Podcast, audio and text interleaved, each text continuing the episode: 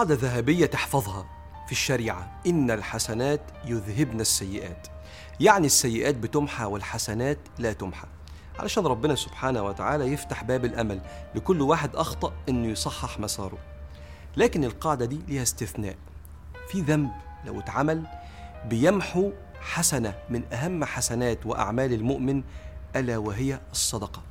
الذنب ده اسمه المن والأذى. اسمع الآية الأول. بسم الله الرحمن الرحيم. الذين ينفقون أموالهم في سبيل الله ثم لا يتبعون ما أنفقوا منا ولا أذى لهم أجرهم عند ربهم ولا خوف عليهم ولا هم يحزنون.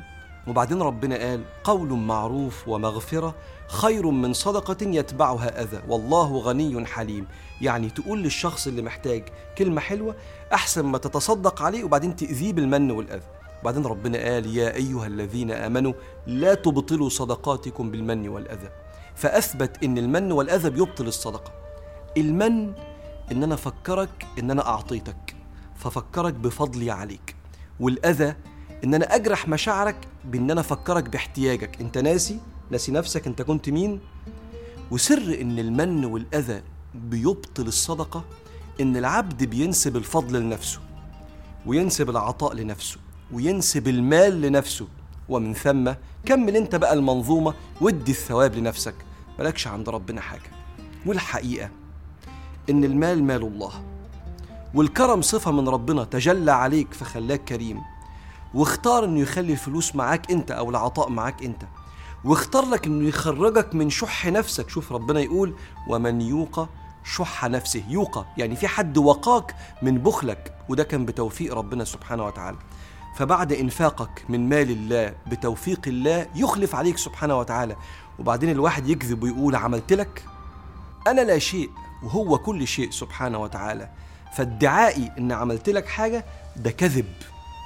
وكم من إنسان محتاج لكنه سخط على الله سبحانه وتعالى بسبب إن اللي تصدق عليه كان منان ومؤذي فجرحه. فالمحتاج ده قال لربنا ليه يا رب كده جعلت حاجتي بيد من آذاني. عشان كده سيدك النبي صلى الله عليه وسلم الرحيم الحنين حذر اللي يكسر خاطر الغلابة بالمن والأذى. قال صلى الله عليه وسلم ثلاثة لا يكلمهم الله يوم القيامة ولا ينظر إليهم ولا يزكيهم ولهم عذاب أليم. منهم المنان اللي عمال يأذي الناس بالمن. والحقيقة إن يوم ما أي حد فينا تصدق أو أعطى أي عطاء ده كان واجب عليه.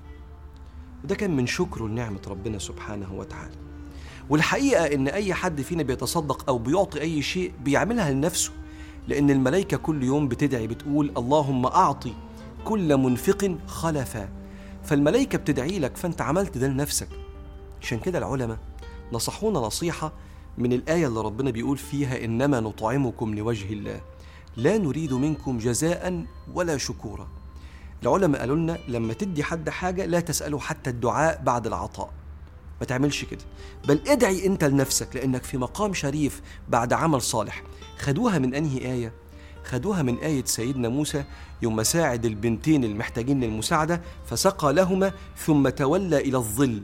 فقال ربي إني لما أنزلت إلي من خير فقير فاستجاب ربنا دعوته. لأنه في مقام شريف بعد عمل صالح فأنا اللي أدعي لنفسي مش أسأل الشخص اللي اديته حاجة إنه يدعي لي لأن ده في مقابل العطاء فلا تسأله حتى الدعاء. يبقى علشان ما تبقاش عندك من ولا أذى رقم واحد.